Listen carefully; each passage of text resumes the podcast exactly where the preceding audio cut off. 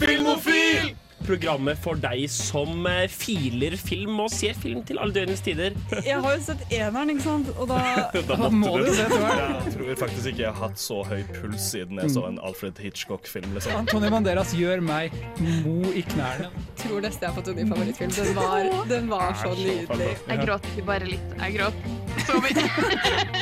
Du hører på Filmofil på Radio Revolt. Hasta la vista, Ja. baby. Hei og velkommen til Filmofil! Ja! I dag er vi to medlemmer korte, holdt jeg på å si. Vi har Jeg er det ene korte medlemmet. Ja, men vi gjør opp for det med å ha besøk av August. Hallo! August er tilbake, alle sammen. Yes, yes. Dette blir en bra sending bare pga. det. Jaran, Mm. Vi trenger ikke deg. Vi har August nå. Gøran, du kan easily bli replaced. Vi er Marte derimot, vi savner deg masse. Mm. Ja. Ja.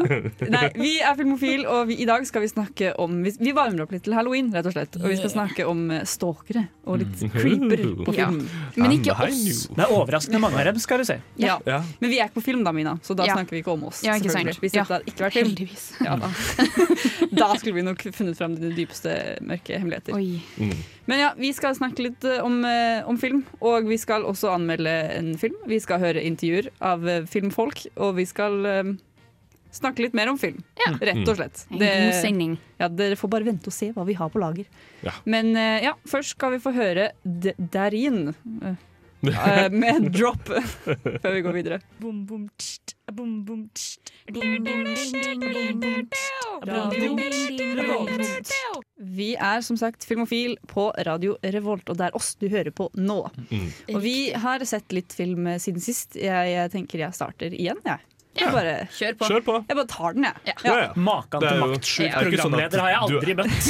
Det er ikke sånn at du er programleder og velger hvem som går først, så du kan velge deg selv til å gå først. Jeg liker det, Jenny. Jeg liker det. Ja. Girl Men, power. eh, Det er dette her som er eh, girl power. Er- Før dere vet ordet av det, så styrer jeg, hersker jeg verden. Ja. Sammen med Ja, men det har jeg faktisk trodd. Men eh, jeg har sett film. Jeg så The Devil All The Time Oh. eh, i helgen. Og eh, det var Jeg ville hva, hva skal jeg si?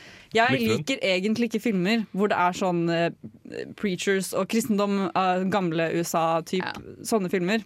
Hvor preacherne er sånn gale etter kristendommen og gjør alt for eh, Og ja, det blir bare sjukt, liksom. Ja. Men eh, Så det, det var jo en sånn film. Ja, okay, ja. Men den var Jeg trodde du bare ga en adektote om deg selv av ting du ikke liker, men eh, det var faktisk relevant til filmen. Det var faktisk det. For den, det var en sånn film hvor liksom de preacherne, prestene, ja, prestene Mm. de, blir litt sånn, de er litt gale, og så er det veldig mye mord involvert. Og så er det Tom Holland som har skikkelig PTSD, Mm. som prøver å liksom komme seg gjennom livet, egentlig. Ja, for det her er det nye på Netflix. Mm. Ja, Robert. Pattinson er i en fatsuit, og venninna mi som så den med meg, hun syns Robert Pattinson er så kjekk, så hele filmen så kommenterte hun Hun lo bare og pekte på ham. For hun syntes det var veldig gøy. Men Ja, jeg tenkte det samme sånn. Han var kjekk da da. han var tynn og god i form. Nå er han ikke det lenger. Men eh, Så jeg syns den var helt grei. Jeg tror folk som liker litt sånne filmer hvor det er eh, litt eldre USA og kristendommen Mm. er på sitt verste Sånn som hun jeg så den, men hun likte den veldig godt. Nice. Men så de som liker sånne filmer, vil jeg tro kommer til å sette pris på den. Det var Også- jeg fikk ikke så mye ut av Og man setter mer pris på sånne filmer når man ser det med folk som liker sånne filmer. You know? yeah. Ja. Altså, den Kanskje det var det som gjorde at du likte den? Ja. Det at du så den med noen kanskje. som Hvis jeg hadde sett den den alene, hadde vært litt sånn eh. Hadde hvis du hadde vært sett med noen som virkelig hater filmen og sier bu hele tida, så hadde du kanskje ikke likt den så mye. Ja, ikke sant? Det hadde vært et kjipt menneske. Ja. Men uh, August Ja, har også sett mye eh, film. jeg har jo naturlig nok sett veldig mye film siden sist. Jeg har ikke vært med siden før sommeren. Eh, så, så jeg har fått noen nye favorittfilmer. Jeg vil eh, vel slå et veldig sterkt slag Oh. for eh, 'Utvandrerne og nybyggerne', eh, som ligger på Netflix nå i en fantastisk restaurering. Jeg har også fått øynene opp for Kobayashi, den japanske kunstfilmregissøren, som har noen utrolig gode filmer, så sjekk ut han hvis du er interessert i japansk film. Men den jeg skal snakke om nå, er en film jeg så på toget i går.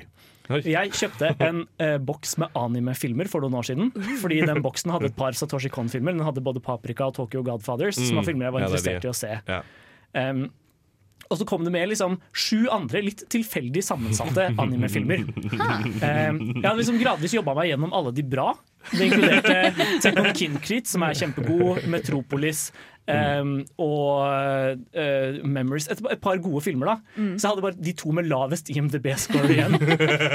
så det ble liksom eh, Sånn under seks, tror jeg det lå. Ok, Eh, ja, så det var jo ja. Det var ikke en IMD ener. grei, liksom. Men, ja. Nei, i IMDb, dette er ganske dårlig, Ja. men ikke sånn Ja, ikke, ikke trash. Nei. Men, ja. Eh, men den, eh, jeg, å snakke om eh, den ene som heter First Squad. For det er den mest kompakte filmopplevelsen jeg noen gang har hatt. De skviste mer innhold inn per minutt enn noen annen film jeg har sett. Si hvor lang den var, August. Denne filmen var under en time lang.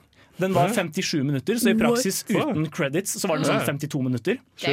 La meg prøve å oppsummere handlingen. Ok.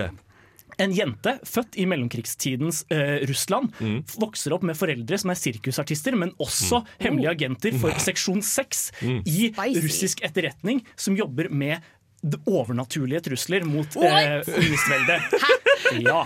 Eh, hun blir rekruttert til krigsskole, der hun blir en del av såkalte First Squad, som er første, eh, eller første gjengen som går til angrep når man møter liksom. møter Ja. overnaturlige trusler. Eh, Problemet er, i starten av andre verdenskrig så dør hele resten av teamet hennes, inkludert han hun har et romantisk forhold til, og foreldrene. Oi. Under mystiske omstendigheter. Eh, hun overlever, blir sendt til fronten eh, for å underholde troppene fordi hun er synsk. Eh, og kan svare på spørsmålene deres. Men det kommer et luftangrep, og hun må rømme. Eh, der hun blir tatt inn av en gjeter som kan kung fu, men hun blir forfulgt av eh, na to nazist-tvillinger som eh, er veldig gode med pistoler og også kan kung fu.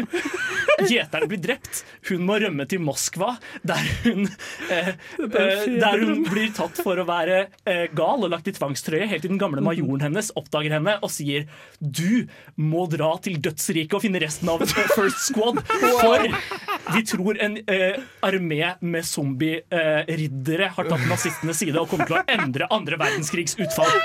Dette er første halvtimen av filmen. Bare første halvtime? Ja. OK, jeg skal se den. Det er faen meg helt sjukt. Men, Mens vi tenker mer på denne filmen Hva var den het igjen, August? First Squad. First Squad, ja. Mens vi tenker mer på denne filmen, skal vi få høre Ku- Pasha med Natalie Portman. For et program i burra med både klasse og stil. Du hører på Filmofil. Det er helt riktig. Og Sander, du har sett film siden sist. Eller jeg har sett serie, faktisk. Ja, det jeg har sett serie. Jeg har sett uh, På HBO så er det en ny sesong av Warrior. Og Warrior så jeg uh, på nytt igjen, uh, fordi jeg ikke helt husket hva som eh, handlet eh, om. Eh, men det er da basert på eh, Bruce Lee, en historie han har skrevet. Og eh, så handlingen skjer i, i, eh, på 1875, tror jeg, i San Francisco etter at liksom Amerika har blitt bygd opp av eh, billig eh, eh, kinesisk eh, labor.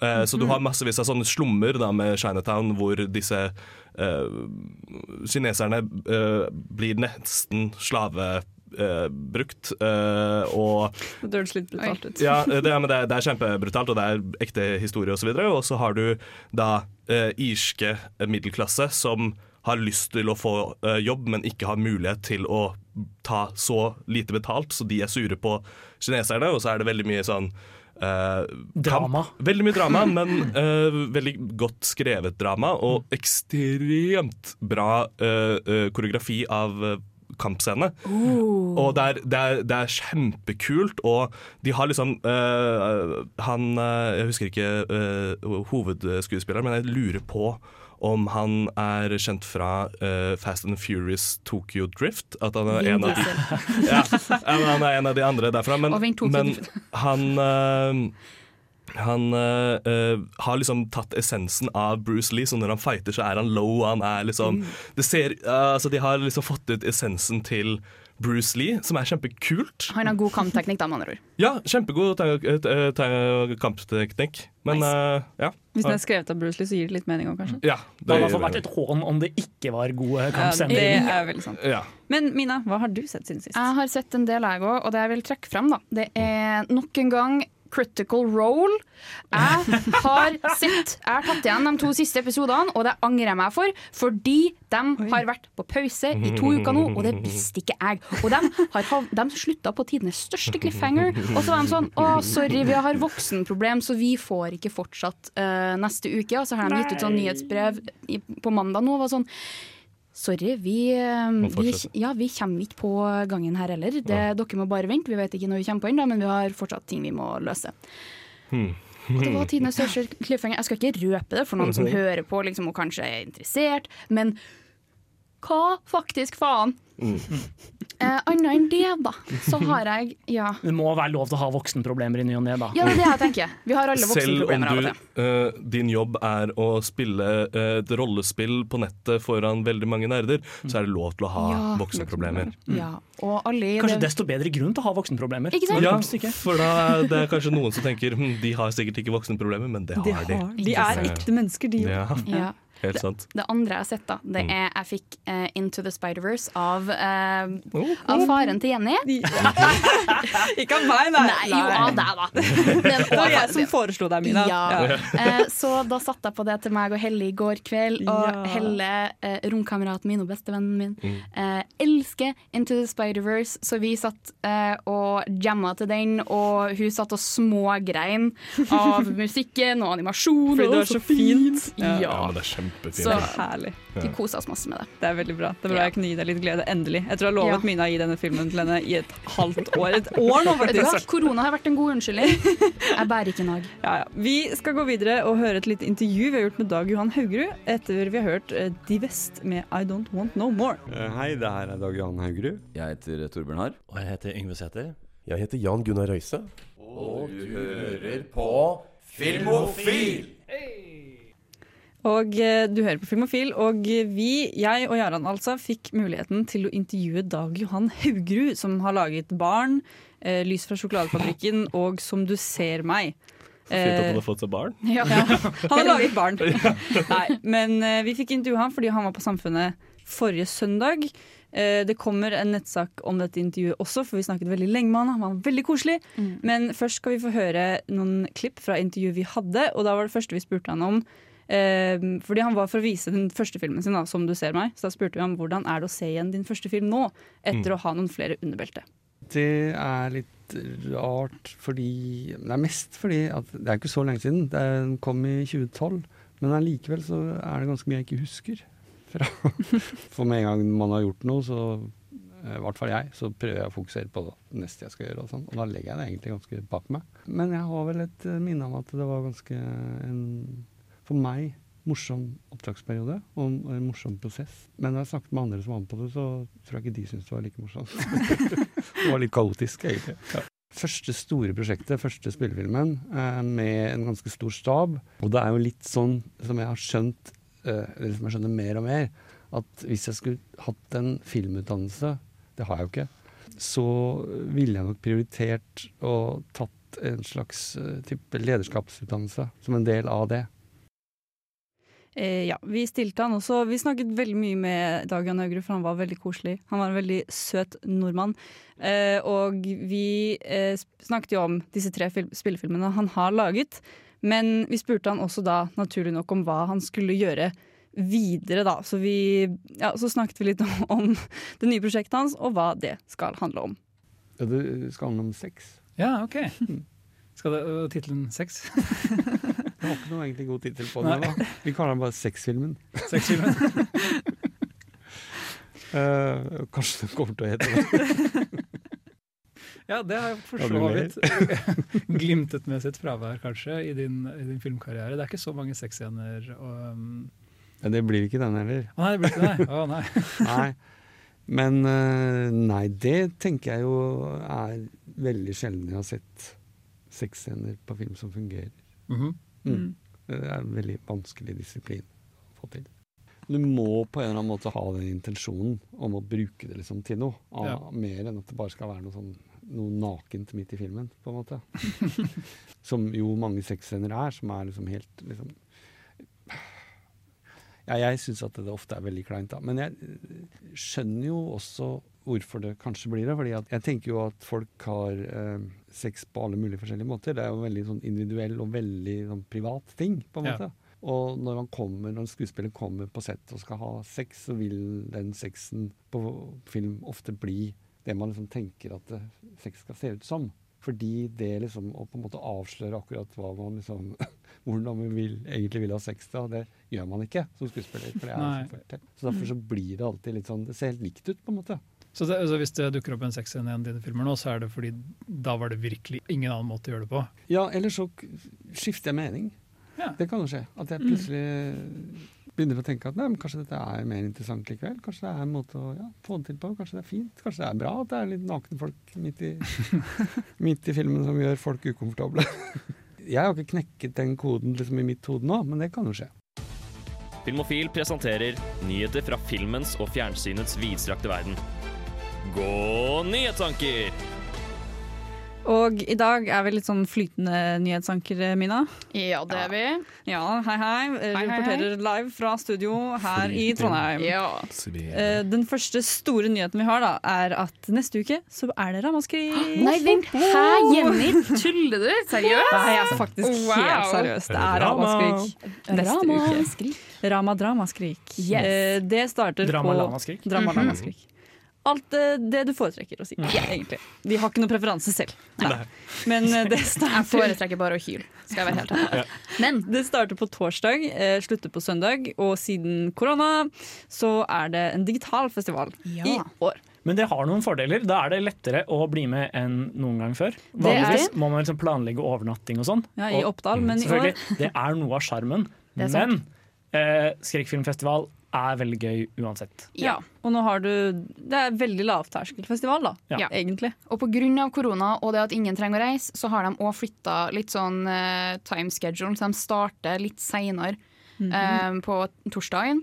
Uh, og så avsluttes den festivalen litt seinere på søndagskvelden. For det er ingen som trenger å ta tog, Mm. kjøre, rekke fly. Digg.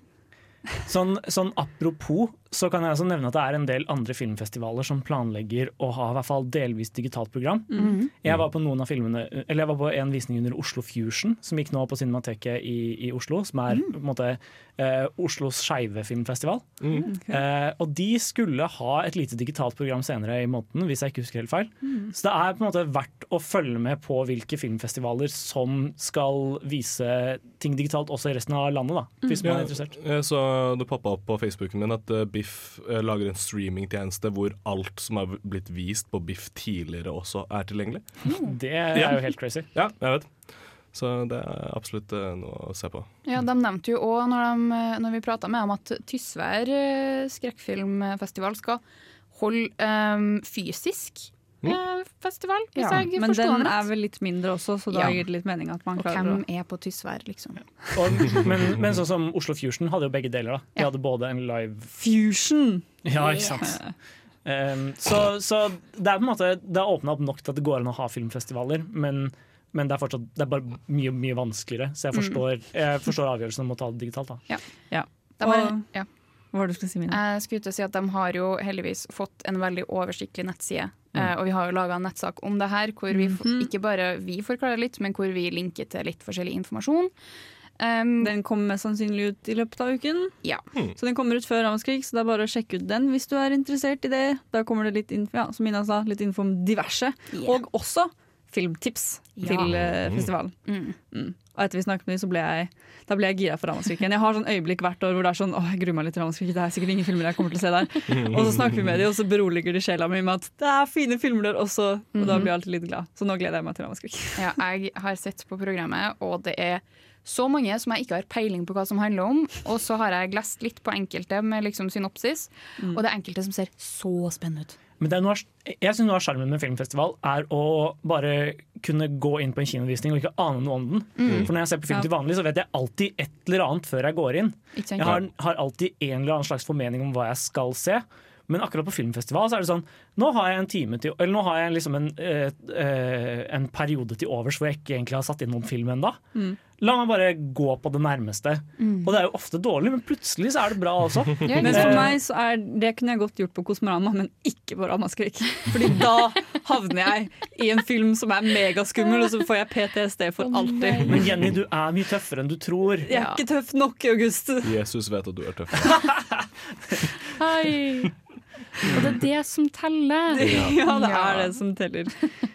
Men eh, ja, det, Så det er bare å sjekke ut nettsaken når den kommer i løpet av uken en gang. Og så er det bare å bli med på Ramaskrik. Det er bare koselig, og det er Mhm. veldig, veldig bra. Det blir quiz, det blir intervjuer med Edgar Wright. Skal Ja. gjøre Det var, uh, ja, det Ja. var stjerne. Vi skal snakke med han i løpet av festen. Skjer. Mye som skjer. Gjengangeren Alexandre Philippe. O. Philippe. Philippo. O. Philippe, tror jeg han heter. Ja. Uansett så kan du også se alt dette fra stunden, da, som er ganske appellerende. Du kan sitte i pysjen hele dagen og se på masse skrekkfilm. Men uh, vi skal gå videre og høre Kill Them Nei, vi skal først høre Idles med Kill Them With Kindness. Etterpå skal vi høre har jeg, Mina og Sander Mm. Vi har sett en film på Cinemateket. Ja. Uh, og vi skal anmelde den filmen for dere her live etterpå. Så det er bare å glede seg til den. Men du hører på Radio Revolt her i Trondheim, studentbyen. So Dean's going away a lot, huh? On business trips? Dad. Raise your hand if that sounds fishy. He's not like you. He's a good guy, a great dad. Sure, it's nature. Males are forced to fight, to dominate, and to impregnate all females. Da er vi tilbake! Men hva var det vi nettopp hørte? Det vi nettopp hørte, var et klipp fra den nye eh, Sofia Coppola-filmen On Ja. The Rocks. Mhm. Og det er den vi nå skal snakke om. eh, for eh, den så vi på Cinemateket. Cinemateket var snille nok til å gi oss eh, få, gi oss lov til å få gå og se den på kino. Så det var veldig hyggelig av de. Tusen takk til Cinemateket og Svein Inge. Den er vel månedens film, er den ikke det? På Cinemateket? Ja, eller eh, har jeg misforstått da? Jeg vet ikke. Jeg tror i hvert fall den skal vises ganske mange ganger. Ja, og det er også eksklusiv premiere på Cinemateket. Den Mm. går ikke på kino, den går Mm. bare på Cinemateket. Og jeg tror, den har, jeg tror de har sluttet å vise den nå, dessverre. Ja, eller, så, eller så slutter de i løpet av helgen. Men On the Rocks er månedens film. Ja, ja ikke sant. Den eh, Grunnen til at vi valgte å ta denne i dag, eller grunnen til at vi velger å snakke om stalking i dag på denne sendingen, er pga. denne filmen, fordi den handler om eh, Bill Murray og Anne, Ha- Anne Perkins, holdt jeg på å si. Rashida Rashida Jones. Yes. Som er far og datter, holdt på å si far og sønn. Eh, far og datter som eh, prøver å finne ut av om mannen til Rashida Jones er utro eller ikke. Mm. Mm. Det er, eh, altså, Bill Murray er 100% sikker på at han er uh, utro og vil at hun skal ferske han i in the act. Ja, og det her er jo fordi at Bill Murray spiller no surprise en uh, womanizer. Uh, og har en god del erfaring med utroskap sjøl, og Ja. veit hvordan mannehjernen fungerer. Det er ingen mann mer sexy enn Bill Murray, så altså, man, Ja. man kan jo forstå det. Det er jo faktisk sant. Han er jo en uh, gilf. OK. Det syntes flere i filmen der òg. Ja, det er veldig gøy også, fordi jeg føler liksom sånn, Jeg føler Bill Murray egentlig ikke er så veldig sånn sleazy som en faktisk person, så derfor blir det morsomt når han er det. Ja, det, er, det er veldig morsomt å se Bill Murray late som han er eh, ekkel, eller spille ekkel. Det er på en måte noe han kan Men også at det godt. fungerer. Mm. Også at det fungerer, gjør det litt morsomt.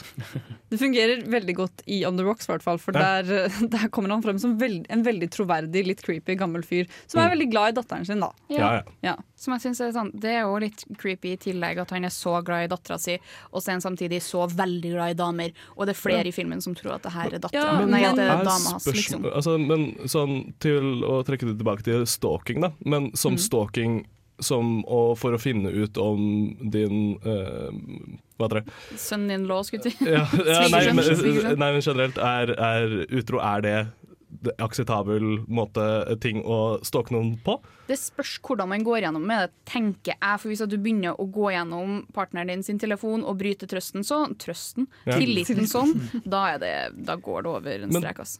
Ja, spørsmålet er jo eh, om det er hensikt, hensiktsmessig.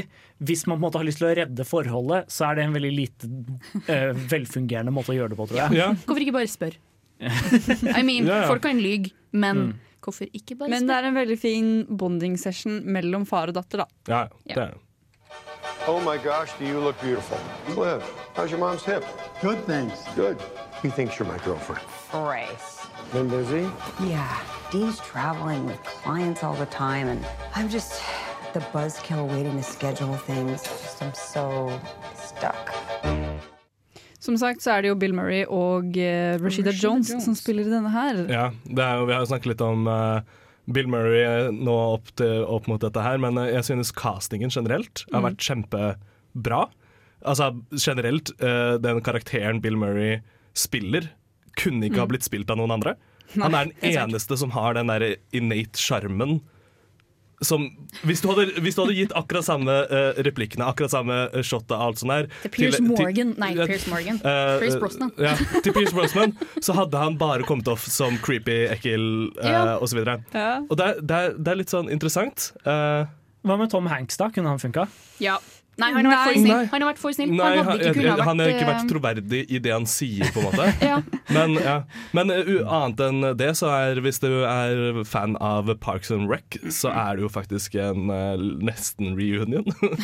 det er uh, Rashida Jones, det er hun som spiller Ann Perkins uh, i uh, uh, Parks and Rec. Det er hun uh, hva heter det? Uh, sykepleieren i Parks and Rec. Ja. Og uh, så er også Mona Lisa Jenny Slate. Men også en Altså- liten rolle i denne filmen. ja, veldig fantastisk rolle. Ja, Eh, veldig god rolle. veldig god uh, break i filmen. Bare sånne veldig små, morsomme deler egentlig med henne. Hun skinner gjennom. eh, Og så er jo selvfølgelig også da Uh, DJ Roomba også tilgjengelig. Da Sander sa det til oss uh, på, i, i den filmen, så lo jeg veldig godt. Bare sånn kjapt spørsmål. Er, den, er det en god Sofia Coppola-film? Sånn, hvordan er den sammenligna med de andre filmene hennes? Bare sånn, Jeg syns den er dritbra. Mm. Ja. Det er. Nydelig skutt og Ja. lagt opp, rett og slett. Mm. He should be worshiping the ground you walk on. And if he's doing something dishonorable, you need to know. What if Dean's just busy? I'm in a rut. That's it. I think we should follow him. What? I think you better see him in action. Bill Murray som eh, oppfordrer datteren til å stalke mannen sin, med andre ord. ja. Mhm. Ja. Men vi nevnte det så vidt før vi hørte det siste klippet her, men eh, den er veldig pen. Ja, den er filmen. nydelig pen. Fordi skuddene eh, Skuddene eh, det- Selve scenene i seg sjøl er veldig fint sammensatt, og hele oppsetninga, mise en scène -hmm. og cinematografien Mm. er så fin, og det er sånn jeg snakka, sa det jo til dere to når vi gikk ut av kinoen, at det ene skuddet For du får et sånn uh, cityscape, skulle si, et uh, totalshot over New York, hvor det er liksom Det er litt sidestilt, og det begynner å bli litt sånn blurry etter at det har skjedd noe litt sånn Rashida Jones er veldig lei seg, og hun er usikker. Og mot slutten så får du det samme shotet Jeg får frysninger når jeg snakker om det, for jeg syns det var et så fint shot.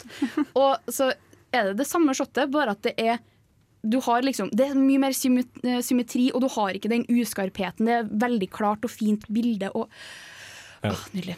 Det som er også morsomt, siden, eh, og sannsynligvis også mest fordi eh, Bill Murray er med i den, så ga den meg veldig Lost in Translation-vibes. Mm. I litt sånn lange, fine etableringsshots. Mm. litt sånn kule eh, shots. Det er et, et shot hvor hun endelig er trist. Altså Hun har skjønt at liksom, Oi shit, det er kanskje noe problem her. her Hvor det er én tåre som faller ned i et uh, Martiniglass. martiniglass, som er helt sykt fint. Den tåren er veldig det, Hele bildet er denne tåren, og så er det veldig dramatisk i uh, Sorry, det var litt høyt. i filmingen. Men uh, det er vel en tommel opp fra. Filmofil-redaksjonen her, altså. Mm. Ja. ja. Anbefaler folk å se den hvis de får muligheten. For den, var, den var veldig morsom, den var søt, og den var eh, Sjarmerende. Ja, Mm. rett og slett. Og Bill Murray er veldig fin. Yeah. Men uh, anbefaling tommel opp fra Filmofil. Gå og se den hvis du har muligheten. Nå skal vi føre Barcelona med, uh, med mennesker mod mennesker. Hei, jeg heter Roar Uthaug, og du hører på Filmofil på Radio Revolt. Og vi er Filmofil på Radio Revolt, og vi er tilbake for å snakke om mer film. Og i dag så snakker vi om uh, stalkere og creeper på film for å varme opp til halloween. Kanskje? Ja. Men kanskje, eh, altså først, Hva er en stalker? For Hvis du ikke har et forhold til det ordet der hjemme, så Mhm. kan det hende denne Jeg sendingen har blir bare sett Travjovskij Stalker. ja, Vi skal ikke snakke om Tarkovskijs 'Stalker'. Den Nei. er veldig lite relevant i den sammenhengen. Veldig. Jeg lurer litt på hvorfor den filmen heter 'Stalker'. i utgangspunktet Men i hvert fall, eh, med stalking så mener vi all form for eh, følge etter en person mot dens vilje, overvåke en person mot den vilje, dens vilje. Også uten deres eh, altså, Uten deres kjennskap. Mm. til, ja. Ja. Uønsket oppmerksomhet, egentlig. Alle former for eh, uønsket oppmerksomhet og måter det kan være både eh, skummelt og hyggelig på film. Mm. Eller hvordan filmer eh, kan po, po, Portrettere. portrettere det på forskjellige måter. Ja. uh, så vi kommer jo til å gå litt gjennom forskjellige typer uh, film, og hvordan de gjør det. For de brukes overraskende overalt. Ja. Jeg tror et godt sted å starte kan være med et lite eksempel. Mm. Uh, det kom en kinofilm i vår som er Mm. veldig relevant i denne sammenhengen, nemlig The Invisible Man. Ja. Mhm, ja. Eh, og det ligger jo litt i tittelen. Basert på HG Wells' uh, bok, Mm. tror jeg. Ja. Venter ikke Harry Potter prequel Det, ja, det er, det er han tredje hva, hva var brødrenes navn igjen? Husker du det? Nei. Ja, ja. Men i hvert fall um, The Invisible Man handler om en, en dame, Mm. eh, spilt av Elisabeth Moss, veldig Ja. godt, som slår opp med eh, Eller som, som rømmer fra den veldig, veldig eh, eh, ekle kjæresten sin, som på en måte tvinger henne til å gjøre alt og true med vold. Mm. eh, og på en måte har sperra henne inne i huset sitt, basically. Mm. Hun rømmer, eh, men har en sånn ekkel følelse av at hun blir overvåket, og det viser seg selvfølgelig at kjæresten hennes hadde laget en usynlighetsdrakt før hun eh, slo opp, Mm. og følger etter henne og observerer alt hun gjør Mens han er usynlig. mens han er usynlig. Ja. Mhm. Og mm, dette fører jo til at hovedpersonen f fornuftig nok blir mer og mer gæren. Ja. Vet ikke om eh, Er han faktisk usynlig? Det er, det Eller, ingen- eller er det bare minnet av han som hun aldri klarer å ja, gi Er det? PTSD, liksom? Eller Ja. er det Ja. Eh, og det, det er et godt eksempel på hvor fælt maktgrep det kan være å, overvåke noen. Da. Så dette er jo en veldig typisk horrortrope i bunn og grunn. Men du har sett den? Ja. Likte du den? Eh, jeg jeg syns The Invisible Man var ordentlig solid. Ja, fordi jeg så traileren, og så Mm. tenkte jeg sånn oh, kult, en H.G. Wells liksom, Jeg så bare ja, The Invisible Man, og jeg har lest boka, det blir kult å se for deg en veldig interessant bok. Eh, og så så jeg traileren og bare sånn ah, faen, den ser jo helt jævlig ut. Den ser sånn skikkelig sånn dårlig Bloomhouse uh, horror, uh, sånn conjuring uh, Conjuring. Conjuring. Jeg, Conjuring. ja. Yes. Syns du, kan- syns du de er dårlige? Jeg syns det er litt dårlig. Bu. Og Annabelle og ja. Ja, altså, jeg, jeg, kan, jeg kan skjønne at folk liker den. Den er ganske polert til, til horrorfilm. å være. Den er egentlig mer i thriller-territoriet når det kommer til stykket. Ja, men jeg sjekke Eh, men jeg, jeg, jeg syns det er en solid film. Ja. Og altså, Tatt i betraktning filmåret 2020, så er det sannsynlig at den er ganske høyt på lista mi. Ja, Eh, men, eh, men den er veldig Den eksemplifiserer veldig godt hvor kjipt stalking oppleves, da. Mm. Mm. Selv om det er et litt tenkt eksempel. Ikke Ja, vi skal snakke mer om alle disse, alle disse formene som stalking kan opp, eh, oppstå i, da. Og eh, ja. Rett og slett, det er det vi skal snakke om i dag. Så det er bare å bli her hvis du føler at det er noen som creeper på deg, eller du bare har lyst til å lære Eller hvis du har lyst til å creepe på noen. Mm. Eller det. Mm. Alt ettersom. Vi skal nå få høre Vera Ek med 'Please' før vi snakker videre. Hi, my name is Bob the Drag Queen, and you are listening to Radio Revolt. Og Viktre, du hører på Filmofil på Radio Revolt. Yeah. Det beste filmprogrammet på Radio Revolt. Det er Lett topp tre filmprogram på Ja. Radio Revolt. Ja. Filmofil, filmofil og filmofil. Ja. Ja.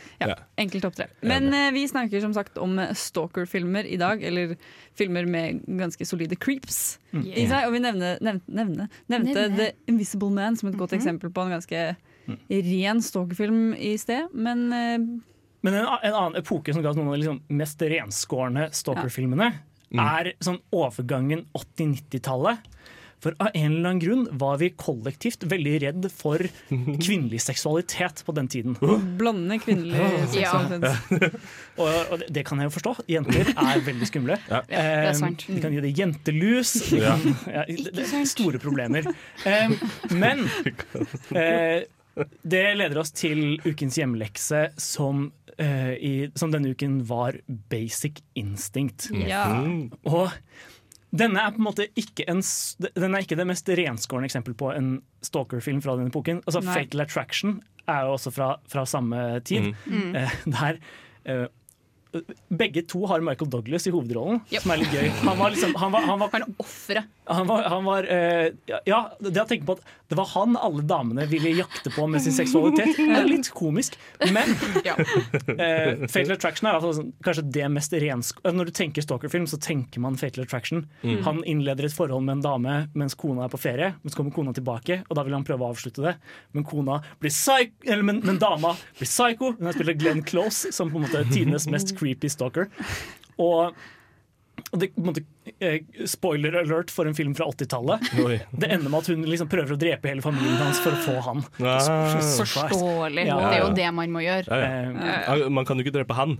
Nei, Nei, du vil jo ha det er han. jo han hun vil ha. Ja, ikke sant? Så må jeg det er bare- kona som er problemet. Ja, Ja. ja. Eh, men i alle fall, Basic Instinct befinner seg veldig i denne sjangeren. Mm, den, har, den er veldig tydelig stalking-preget. Ja. Men ikke før sånn halvveis inn i filmen.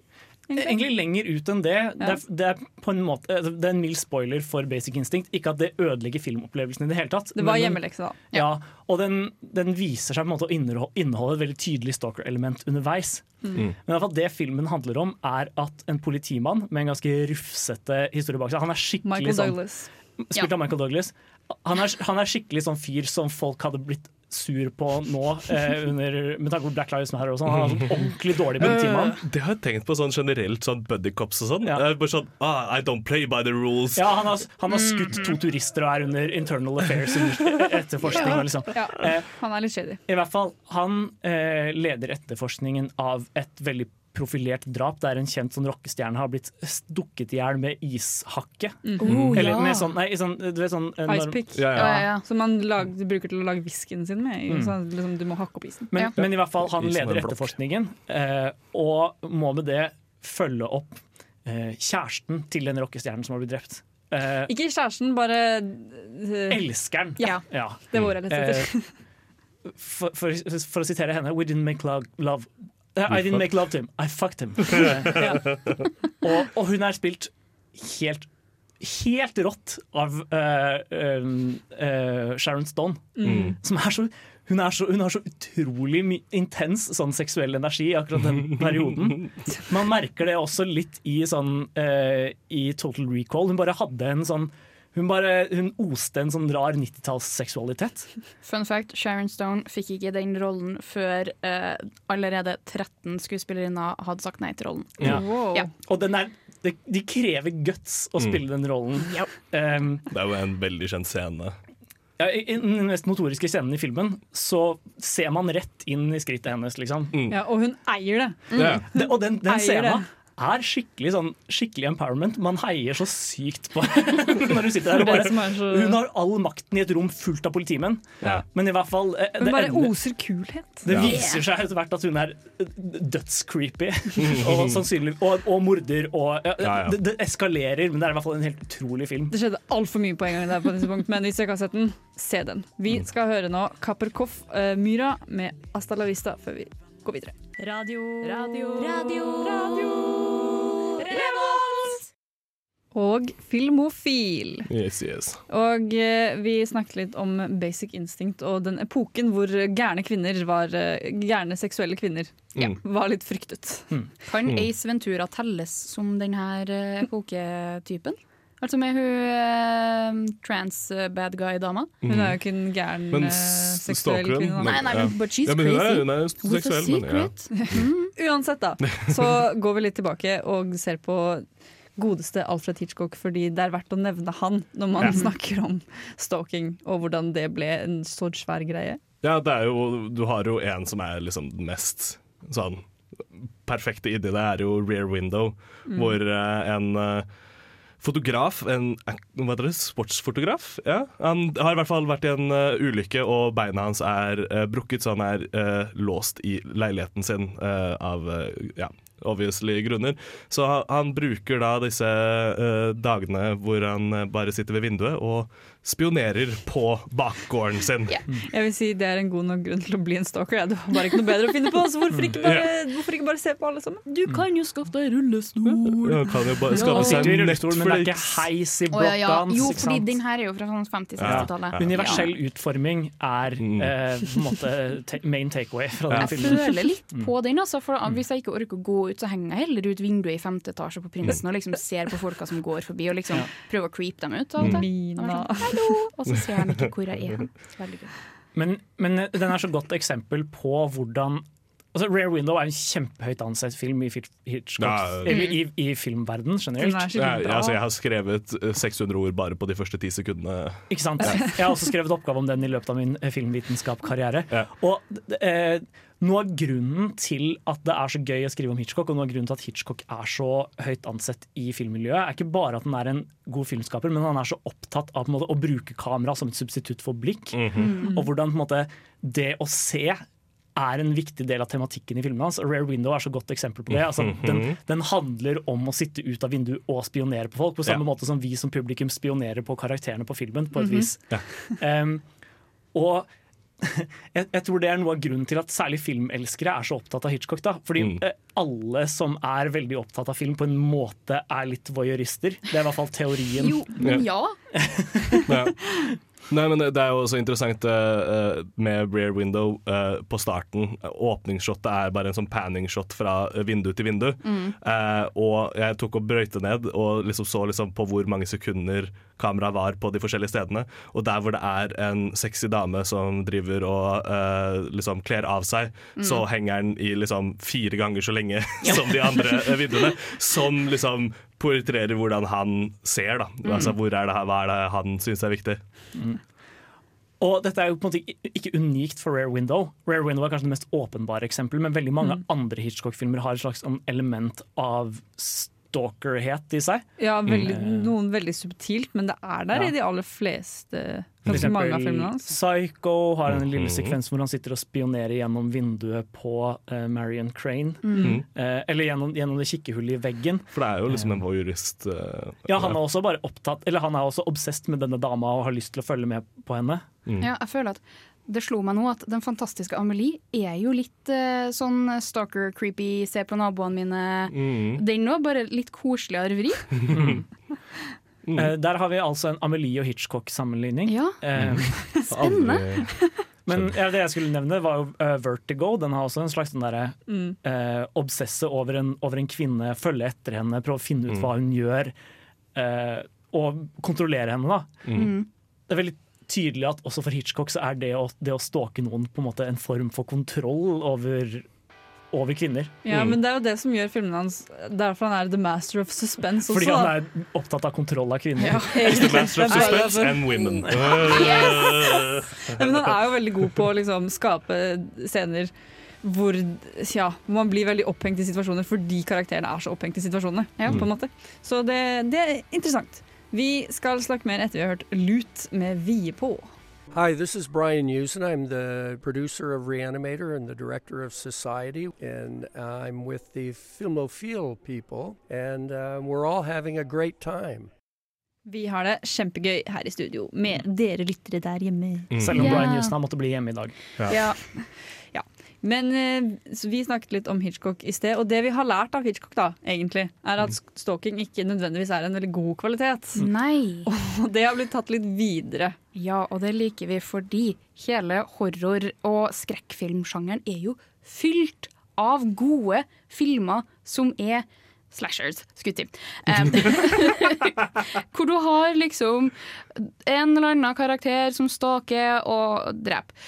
Halloween, for eksempel. It Follows. Jeg har lyst til å si uh, Tony Dakino sin The Furies er en slasher som går inn under stalking, kind of. Ja. Ja. ja. Mm. Kanskje Ja. et element av det, i hvert fall. Ja. Ja. Men, Men men veldig- slasher-sjangeren kom jo veldig hardt på 80-tallet. med liksom, Den begynte vel med Det er vanskelig å si hvor den begynte. Noen vil si Halloween. Den har på en måte også røtter fra Texas Chainsaw, men i hvert fall Mm. ikke noe f særlig før det. Mm. Og den, den slashing refererer til på en måte at man eh, kutter i kjøtt, og det var veldig sånn Hele den. Ja. Psycho kan også sies å være en sånn pre-slasher på et Mm. vis. Men poenget er i hvert fall at veldig mange av disse slasher-karakterene, særlig de fra 80-tallet, var slags sånn øh, entities som bare eksisterte der ute og på en måte aldri helt tok en, en ekte form. De bare fulgte etter deg og skulle utsette deg for vold. Ja. Og jeg vet ikke, Halloween er et utrolig godt eksempel på det. Mike Myers er liksom ikke en ekte person, men han kommer til å følge etter deg. Han kommer til å drepe deg. Er det ikke sånn halloween to og tre og sånn, at han introduserer liksom at han går etter familien og liksom han dreper familien sin. Så hvis du er related, altså sånn etter hvert så er liksom kusine og fetter. Til slutt så dør hele verden fordi at alle er i slekt med alle. Ja, for alt er, kommer fra Adam og Eva. Men, Ja. ja. Men er ikke det Jeg føler jeg husker, husker det fra Halloween, sånn sequelsene. Så er det liksom han går etter Jeg har bare sett Halloween 1 og 8, eller hvilken det var som gikk på Ramaskrik for et par år siden. Ja. Eh, og jeg vet, jeg vet at Halloween 2 var noe helt annet. Det var en sånn Ja, oppfølger som ikke men passa inn i det hele tatt. Men det kom jo en remake, det, så ikke sant? Det kom en remake Mm. hvor ehm, hun som da er voksen, hun var overlevde fra den første filmen. Ja. Ja, og så tar han og går etter familien hennes. Ja. Ja. Det, det, han er i hvert fall et godt eksempel på en fyr som, som har veldig tydelige sånn, stalker-kvaliteter. Ja, ja. Bare Åpningsbildet fra Halloween er på en måte at vi ser det er jo ikke en stalker-sekvens per se, men filmspråket er så utrolig sånn eh, stalker-aktig. Vi har, på følger på en måte eh, hans blikk gjennom en maske. Mm. Vi ser bare ut gjennom to det. kikkehullene Ja. Mm. idet han går for å på Halloween går for å drepe sin søster med kniv. Da. Jenny, skal vi se den? Jeg har sett den. Ja, men skal vi se den igjen? Nei, det skal vi ikke. Andre filmer som kanskje ikke fra, som også er fra samme epoke, som også faller inn i denne kategorien, eh, er 'Nightmare on Elm Street'. Mm. Den handler også om en fyr som på en måte klarer å følge etter folk. Ikke bare i det virkelige liv, men også liksom inn i drømmene deres. Som er et liksom, ekstra eh, lag med creepiness. Mm. The Kruger. Ja, ja. Mm. The Men et, et poeng her egentlig er jo en, alle sånne Når man tenker over det, alle seriemorderfilmer også, de har veldig mye Mm. preg av stalker De har veldig stalker-kvaliteten, da. Ja. På en måte. Og det viser jo bare til at alle filmer, eh, sånne eh, slasher-filmer og alt sånt, de bare poengterer at det å creepe, det er feil, dere. Det er ikke en god ting. Du vil bli drept hvis det er noen som creeper på deg. Ja. Så ikke, ikke bli en morder, vær Du så snill. vil drepe noen hvis at du creeper Ja, på noen. det er det som er moralen da, Ja. i alle de filmene her. Ja. Det minner meg om et uh, videoessay fra uh, Niga Higa i YouTube-fenomenet. som hadde video om hvordan overleve en skrekkfilm. Ja. Hvor han kom til å Ja, med at vet du hva? skrekkfilmer har faktisk veldig god moral. Man burde vise skrekkfilmer til barn ofte, for da kan de lære seg at sex er farlig, det å stalke folk er farlig, eh, vold er ikke bra, Nei. dop er ikke bra. Ikke sant? Ja, ja, men det er, jo, det er jo en kjent uh, greie det at hvis du har sex på en skrekkfilm, så er du en av de første som kommer til å dø. Det er sant. God Ja, regel. vis eh, skrekkfilmer til barn oftere for å lære dem at uh, stalking og uh, være, være feil feil. Nei, være feil. Uh, være en feil person. Ja, Det er feil person. så går det dårlig med deg. Du kommer til å dø. Ja, vi skal nå høre 'Living Alma' med 'Happy Days' før vi snakker videre. Hva er det du liker best ved studentradioen? Jeg hører alltid på studentradioen. Hør på Radio Volt og hør på Filmofil, mm. akkurat som du gjør nå. Ja. Eh, vi snakket om eh, hvordan stalking kan være en veldig dårlig kvalitet Mm. Hos enkelte karakterer i filmer. Mm. Som resulterer i slasherfilmer og eh, Og Hitchcock-filmer. Ja, egentlig. Men dette er også en kvalitet, eh, eller en, en egenskap, man ser i andre filmer som ikke nødvendigvis er personer.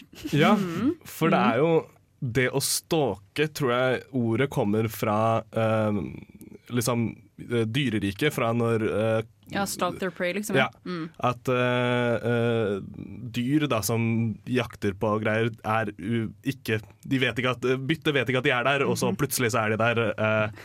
Når Fordi de har fulgt etter dem ja, i ja, lenge tid. og liksom søkte de opp på Facebook og vet hvem det er.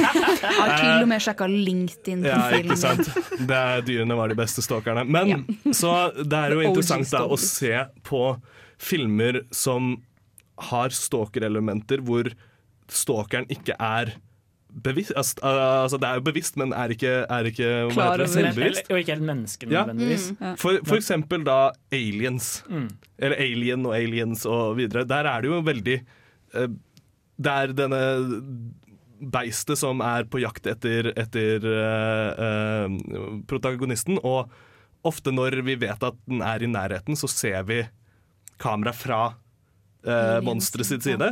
Det her kan du også se veldig mye i, i Haisommer. Når kameraet er under vann og ser opp, ikke sant? Ja. Det er fascinerende hvordan kamera ser off Eller når kamera tar eh, posisjonen til et rovdyr, som i 'Haisommer', ja. så, tar- i- så tar kamera på en måte eh, samme type rolle som når kamera eh, tar blikket til en stalker. Det Ja. måte Mhm. sidestiller, eh, sidestiller det å jakte på noen med det å, å stalke noen. Da. Det er på en måte samme prosess. Ja, men- det, det, jeg syns det er kjempeinteressant, og jeg, synes det er, jeg liker litt den derre unstoppable force som jakter på deg. Du klarer ikke å stoppe det. Litt sånn som eh, It Follows. Ja. Som bare Det er ikke mulig å uh, stoppe denne seksuelltransporterte, possessive Ja. eh, greia. Uh, Den kommer til å følge etter deg Ja. og voldta deg til døde. Nei, men eh, jeg tror den bare dreper deg. Eh, det er bare du må ha sex med en annen for å gi de Ja. videre Nei, denne den, kursen. den voldtar deg til døde. Eh, Hæ? Det husker jeg ikke fra filmen. Nei, det er den eh, sekvensen hvor han, eh, kompisen hennes, på en måte, som hun har gitt det videre til først. Ja. Idet i det han blir drept, så observerer vi det. det, er, ja, det, det Okay. ja. ja, Men også ta Predator, da. Som er liksom Mm. det, er, det, det er puny humans mot liksom en fighting machine. Altså puny humans sier jeg med hermetegn. Det er jo Arnold Schwarzenegger. Liksom. Det men, Det mest puny human du kan Han få. skulle funnet et bedre menneske å gjøre det skal jeg si. det vet jeg faktisk ikke om du kunne ha funnet, men ikke sant? Det, er, det, er, det er interessant å, å, å se. For det, der de har mye av de samme eh, eh, å gå frem som en slasher som er et ekte menneske, men de er ikke menneskelig, Og det Mm. gjør også da uh, slashere umenneskelig. Mm. Jeg har et spørsmål. Ja.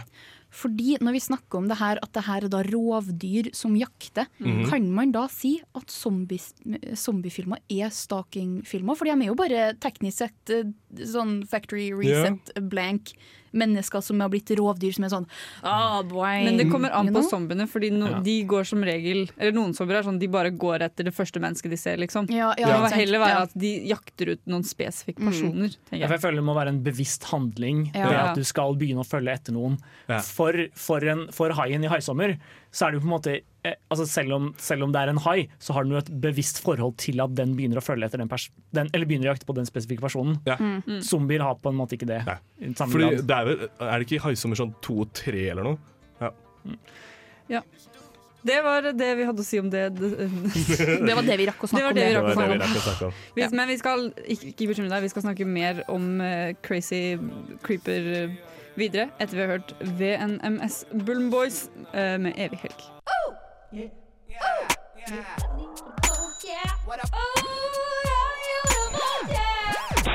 kun på Radio Revolt. God stil! Og her i Filmofil er det klart for En, to, topp Topp tre! Og August har tatt med seg en topp tre-liste til oss i har laget en topp tre. Og det jeg har, eh, det jeg har komponert til dere, er rett og slett eh, topp tre filmkarakterer du ikke vil bli stalket av. Oi. og, og på nummer tre så åpner vi klassisk og enkelt Hannibal Lecter. Jeg har ikke lyst til å bli stalket av Hannibal Lecter. Han er dødscreepy. Jeg så opp igjen The Silence of the Lambs her for noen uker siden. Uh. Den er så god, og han er så ekkel. Du har ikke lyst til å bli creep, nei, stalket av han, men du har heller ikke lyst til å bli drept av han? Eller er det en god miks inni der? Eh, nei takk, tenker jeg. Nei takk, begge deler. Nei takk, ingen av delene. Ja. Jeg, jeg har ikke lyst til å være eh, vennen han skal ha over på middag. Nei, og, og Se for deg at han bare stalker deg vanlig. At han ringer deg og sier creepy ting til deg. At han plutselig står utenfor vinduet ditt og stirrer creepy på deg. At han plutselig sier inn i øret ditt. Det hadde vært helt forferdelig.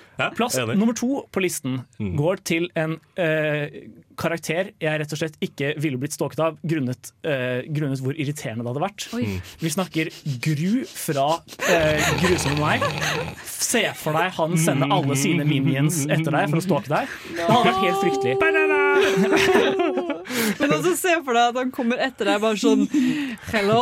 Og så videre ser, bare gjør onde ting. Jeg ser for det ekstremt creepy. Så det er mørkt og kveld, og så ser du bare plutselig sånn lang nese stikke ut fra greia. Så kommer Cruise etter hodet ut fra veggen. Men hovedgrunnen er rett og slett at jeg ikke har lyst til å ha en armé med minions på hælene mine. Ja. Da hadde jeg, da hadde jeg, eh, da hadde- det hadde vært en verre måte å dø på, tror jeg. Død, død ved irritasjon.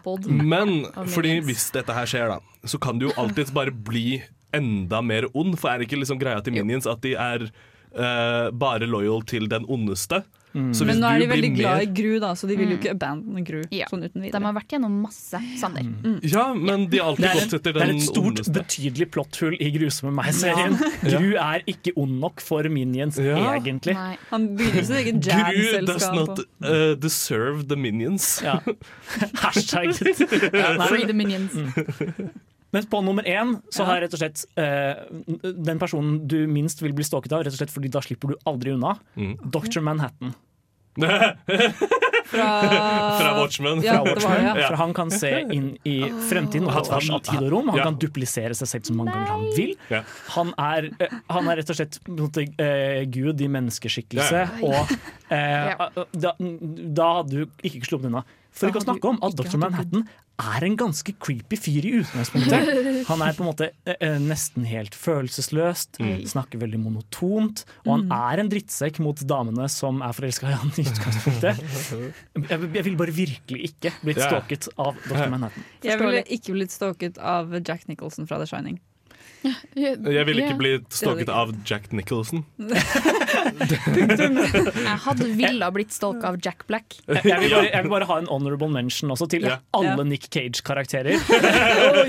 Man, altså, fra Mandy er også hadde vært skummelt, men bare komme etter med motorsag. Jo, men jeg tror jeg har enda mindre lyst på han à la liksom, eh, Face Off.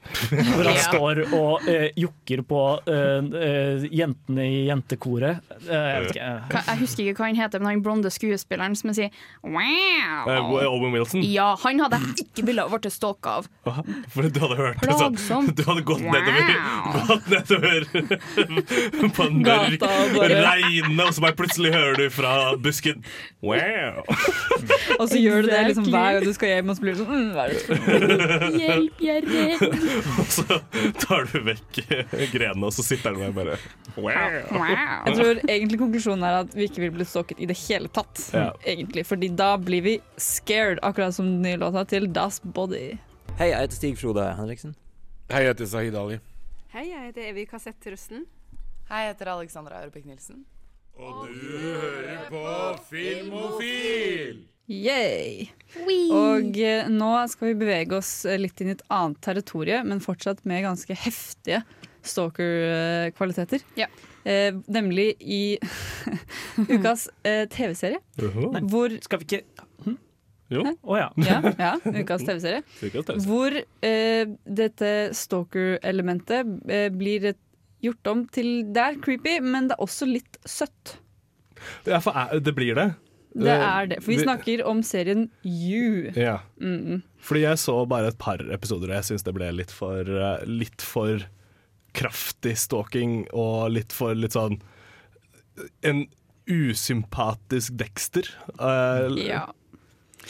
For, for det, som er, det, det som er litt spesielt med You, er at den på en måte tar uh, Vi skal etterpå nevne hvordan stalking er ganske vanlig i romantiske komedier. Mm. Mm. Men da er det typisk eh, da er det typisk hovedpersonen kanskje. som stalker, Mm. og det blir sett på som veldig søtt og romantisk. Ja. Mm. Men her Mens er i, det skre- i skrekkfilmer så er det på en måte selvfølgelig ofte den som blir stalket, og da Mm. er stalkingen veldig veldig creepy. Ja. Så det You gjør, er en slags sånn subversjon av, eh, av den stalking for love-tropen. -hmm. Hvor han plutselig er den som eller hvor vi følger den som stalker, og det er på en måte både creepy, men det er tydelig at han synes det er kjemperomantisk. Yeah. Han, han sier liksom i første to, episode sånn eh, Jeg har sett nok romantiske komedier til å vet, vite at dette kommer til å gå bra. Men han er jo hele tiden sånn eh, Fordi jeg begynte også å se på dette her eh, for å se det til sending. Og så endte jeg på å se Nei, jeg har nesten sett ferdig hele sesongen nå fordi jeg ble så hekta. Ja. Fordi han er jo skikkelig creepy. Det er jo, som du sier, Sander, han er bare Ja, En dårligere Dexter. ja egentlig. Han minner meg altså litt om han fyren i uh, The House That Jack Built, som har Ja, dette ja, rommet nede i en kjeller hvor han driver og dreper folk og, eller holder dem Mm. fanget. Eh, Ja. det, Men det han gjør, da, er jo å creepe på denne jenta, som han åpenbart er veldig forelsket i. Mm. Eh, og alt han gjør med denne creepingen, er jo for å kunne ende opp med henne. Ja. Men han går, litt, han går litt i det ekstreme laget, fordi han ender opp med å torturere og drepe ekskjæresten hennes, bare for å ha han ute av bildet, da, sånn at Ja. ikke han skal skape problemer for Mhm. hans lykke med Beck. Ja. Ja. Jeg starta å se serien her med moderen. Det var en god idé. Vi så første episode, og så prøvde hun seg på å starte på episode to før jeg eh, satte foten ned og sa nei, det her er ikke noe jeg skal se med deg. Så um, ja. Det, det skjønner jeg Jeg har ikke sett resten ennå. Og det var vel når You nettopp kom ut, og den kom vel ut i fjor. Ja. 2018-2019. Ja, noe sånt. Mm. Det hørtes veldig riktig ut. Ja, så den har blitt utsatt en god stund, for den er bare for ekkel.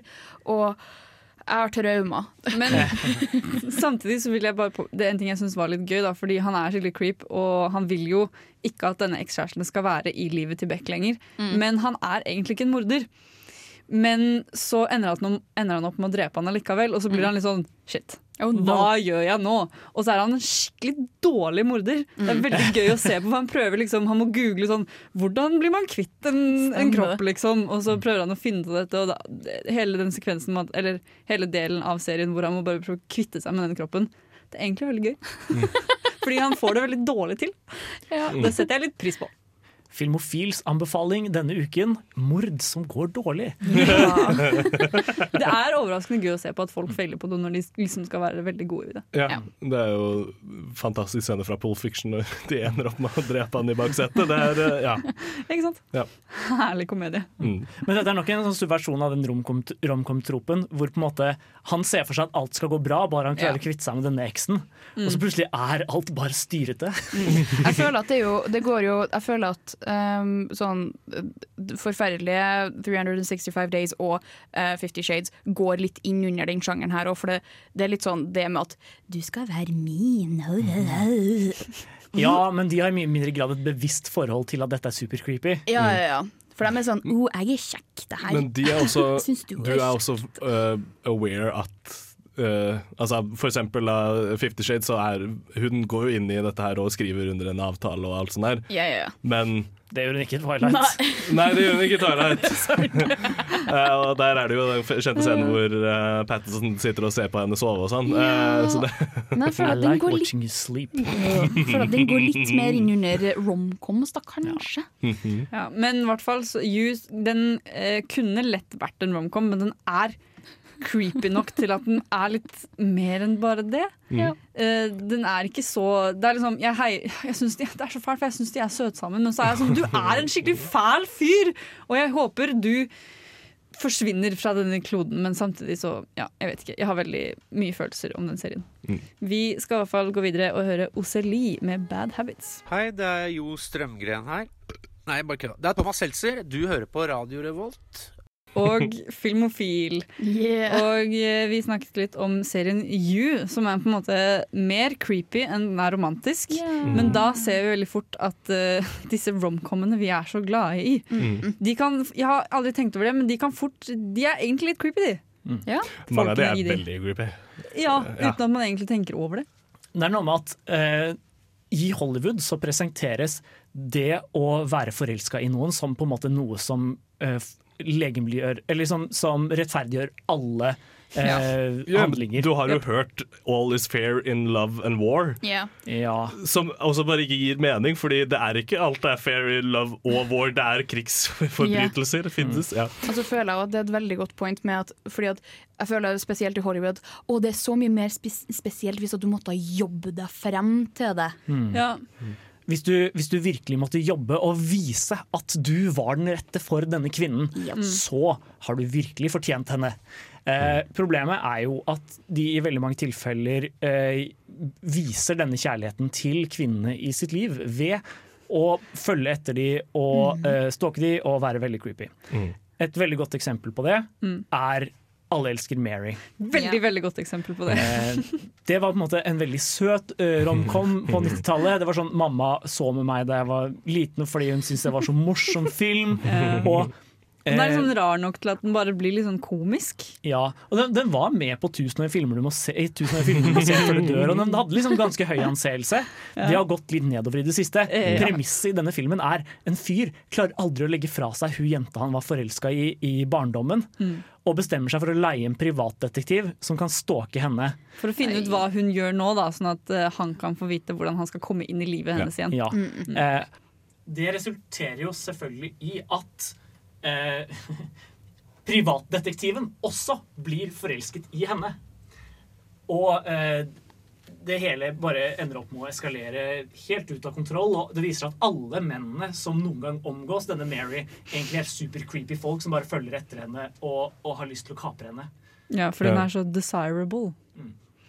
Ja, eh, Men en annen ting også, da. I alle disse romcom-filmene så er det jo kvinnen, eller ja det, ja, det er som regel kvinner. Ja. De blir presentert som eh, De vet ikke helt hva de vil. Mm. I livet, så de, er litt sånn, de blir presentert som usikre og er litt sånn Å nei, jeg eh, rejecter deg fordi jeg må bare finne ut av meg selv først. Og da er det sånn, da rettferdiggjør det litt at de creeper på dem, fordi de vil ikke gi opp kampen om deres kjærlighet. Mm. Fordi så lenge de bare innser hvem de er, Men så er det så innser de at den personen er rett for dem. Men er det ikke også, også ofte at uh, disse mennene liksom uh, skal finne ut hva er det jeg kan late som om jeg har til felles med denne personen?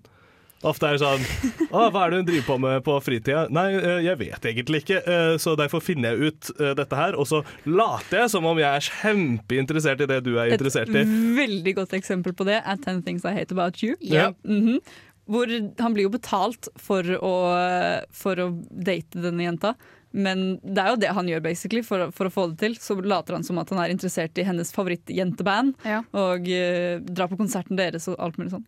I see your uh, Jeg ser dere sine meninger, og jeg kommer med et uh, counterpoint. Gjør det, Mina. Love Actually og han Walking Dead-karen, jeg husker ikke hva han heter, med eh, når at han filmer bestekompisen sin Mhm. sitt bryllup, og filmer kona hans og så bare zoomer inn på hun og kommer på døra deres og sånn Å, men jeg elsker deg, der, men du er oppi kortene. Ja, Ja. I mean, det er jo veldig søtt. Ja, wow. Men det jeg alle likt den scenen hvor at de ser gjennom de bryllupsklippa og Nero, Nero Men Keira Knightley blir surbeint på. Det Jeg er en det døds-creepy sekvens, egentlig. Ja. Men man forstår det jo, da. Keira Knightley er kjempepen. Jo, Så- men i Sander, la oss begynne å følge etter henne. Ja. Alltid. Og filme henne når hun ikke vil det. Men tenk på det at Keira Knightley, når dette filmen har vært spilt inn, så var hun ganske ung. Og det gjør Ja. hele det her premisset så Mer mye creepy. mer creepy. Og jeg får frysninger når jeg står her og sier det, for jeg kom på det. Og Ja, nei, jeg har aldri likt det der. Og, og jeg synes også det er jævlig spesielt og det der sånn, ah, Nå bare later jeg som om det er uh, hva det, Christmas caroling, og så skal jeg bare uh, ja. confess my love via uh, fuckings uh, kort. Men Hollywood klarer allikevel å få oss til å bli litt sånn rørt av disse, av disse creep, av creepene. Ja. Ja, men det er på en måte helt til man gjennomskuer det. Jeg syns ikke Ja. det er like kult lenger med sånne store, grandiose kjærlighetserklæringer i Nei. offentlige rom. Fordi se, se, for du, se for deg at noen gjorde det mot deg, og du Ja, hadde tydelig hadde sagt eh, jeg er ikke interessert i å holde på med deg. Men når han synger til henne i Ten Things I Hate About You, så er det veldig søtt av han. Hvis hun egentlig liker han tilbake. Ja. Hvis ikke, så er det bare Det er så dårlig gjort. Det er kjempedårlig gjort. hele det uh, konseptet med sånne flashmobs-greier, bryllupting, skulle si, sånn frieri. Ja, ja. Så Ja. ekkelt! Jeg skjønner Ja. ikke. For Alle alle, alle filmer deg, og så skal du liksom ah, se hvor mye, brukt han, hvor ti, mye tid han har brukt på dette her, og så skal du si nei. Da blir du fort eh, den slemme i situasjonen. Ja, så det er egentlig ganske lett å se det creepy elementet i romcoms. Som er litt dårlig, fordi nå kommer jeg til å, aldri til å se på romcoms på samme måte igjen. Vi skal eh, snakke litt mer, men først skal vi høre Of Monsters and Men med Vister. Hei, mitt navn er Atle Antonsen. Du lytter til Filmofil på radio Revolt, og det gjør du helt til programmet er ferdig. Jeg hater egentlig at Jaran var den som hadde ideen om å sette det Atlanton som sier, som sier det rett før de skal si ha det. Ja. Og at det ikke var min idé, det var Jaran sin idé. Ok, Så det er det du hater med det, ikke Ja. at den er en greie? Nei, den er flott. Men vi er dessverre ferdig for i dag. Du kan høre sendingen på nytt. Det er ikke noe problem. Du kan høre på radiovolt.no eller der du hører podkast. Og neste uke er vi tilbake sterkere enn noen gang. Ja. Uten Gustav, så egentlig ikke sterkere. Litt svakere. Litt svakere er vi tilbake. Kanskje har vi fått med oss en uh, ramaskrik Uh, Wow. film. Ja, det er jo Ramaskrik neste uke. Mhm. Ja, ja, vi får se. Kanskje vi må ha livesending? Men det kommer jo ut eh, Nei, det kan dere ikke ha, Mina. Det går ikke. Det er faktisk umulig. Men neste uke så kommer i hvert fall den storeslagne filmen som alle gleder seg til på norsk kino, nemlig 'Burning 3'. That's Og vi tenker da å snakke om brum-brum-filmer. Ja, det gleder vi oss til. Ja. Ja. Vi har vært eh, på Teknikk. Mina. Vi har også vært August. Og Sanne! Og et spørsmål. Ja. Hva er ukas hjemmelekse neste gang? Ukas hjemmelekse er uh, Fast and the Furious 1. Ja, rett Adjø. og slett